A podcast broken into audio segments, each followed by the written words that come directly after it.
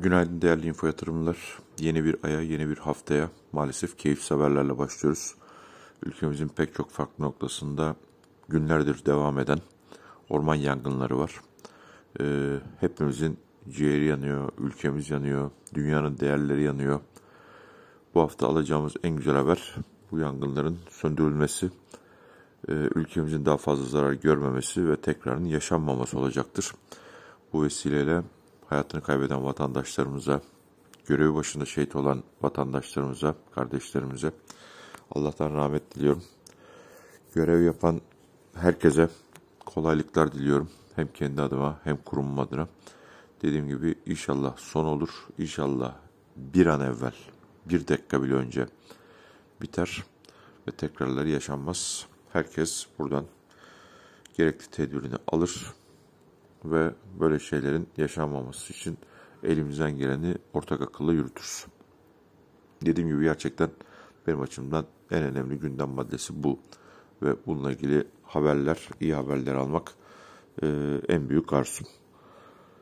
Piyasa tarafına bakacak olursak geçtiğimiz hafta FED toplantısının ardından yapılan açıklamalar yani varlık alım programının gündeme gelmediği ve bir faiz artışının çok uzağında olduğunu söylemesi FED'in bütün gelişmekte olan ülke para birimlerinin değer kazanmasını ve bir ay boyunca Türk lirasının en iyi performans gösteren para birimi olmasında e, riskli varlıklara yönelimin yoğunlaşmasında ana neden oldu.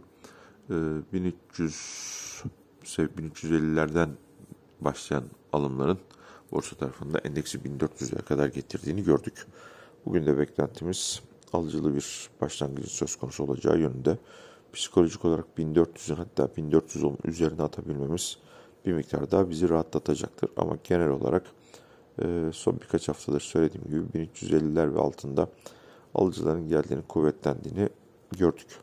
Dolar TL tarafına bakacak olursak demin de söylemeye çalıştığım gibi FED'den gelen haberler dolar endeksinin e, 93.5'lardan 92'lere kadar gerilemesi, Euro dolar paritesinin çok hızla yukarı doğru gitmesi e, tüm bunların eşliğinde Türk lirasında bir önemli değer kazanımı söz konusu oldu.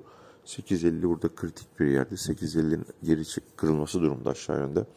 8.28-8.30'lara doğru bir hareketin söz konusu olabileceğini son birkaç haftadır hep konuşuyoruz. Şu anda 8.50'nin altındayız. Burada bu hareket devam ettiği sürece 8.50'nin altında kaldığı sürece bir miktar daha değerlenmenin söz konusu olabileceğini 8.30'lara doğru e, dolar TL tarafının geri gelebileceğini düşünüyorum. Ancak o çok aşırı bir iyimserliğe e, yer yok.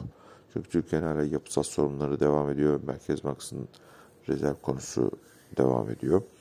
Ee, geçtiğimiz hafta enflasyon raporu vardı. Yılın 3. enflasyon raporu. Merkez Bankası enflasyon hedefini bir kez daha yükseltti. Ee, 12.2'den 14.1'e çekti. Ee, bir koridor burası. Orta noktası 14.1. Bu bandın altı 12.2, üstü 16. Piyasanın genel beklentisi 16'ların da üzerinde bir yıllık enflasyon olabileceği yönünde. Dolayısıyla Merkez Bankası'nın enflasyon tahmini yukarı çekmesine rağmen bunun piyasa üzerinde çok etkili olduğunu söylemek çok da mümkün değil. Hala piyasa bir faiz indirimi ne zaman, ne zaman geleceğini konuşuyor. Ama kuvvetle muhtemelen gelebilecek faiz indirimi yılın son çeyreğinde belki Ekim-Kasım aylarında olabileceğini, onda sınırlı bir alanın olduğunu bugün itibariyle görüyoruz. Ee, dediğim gibi benim açımdan ve pek çoğumuz açısından bu hafta için gelebilecek en güzel haber e, şu orman yangınlarının sönmesi, bitmesi ve bir daha yaşanmaması. Ümit ediyorum bu beklentimiz, bu isteğimiz hayata geçer, dualarımız kabul olur.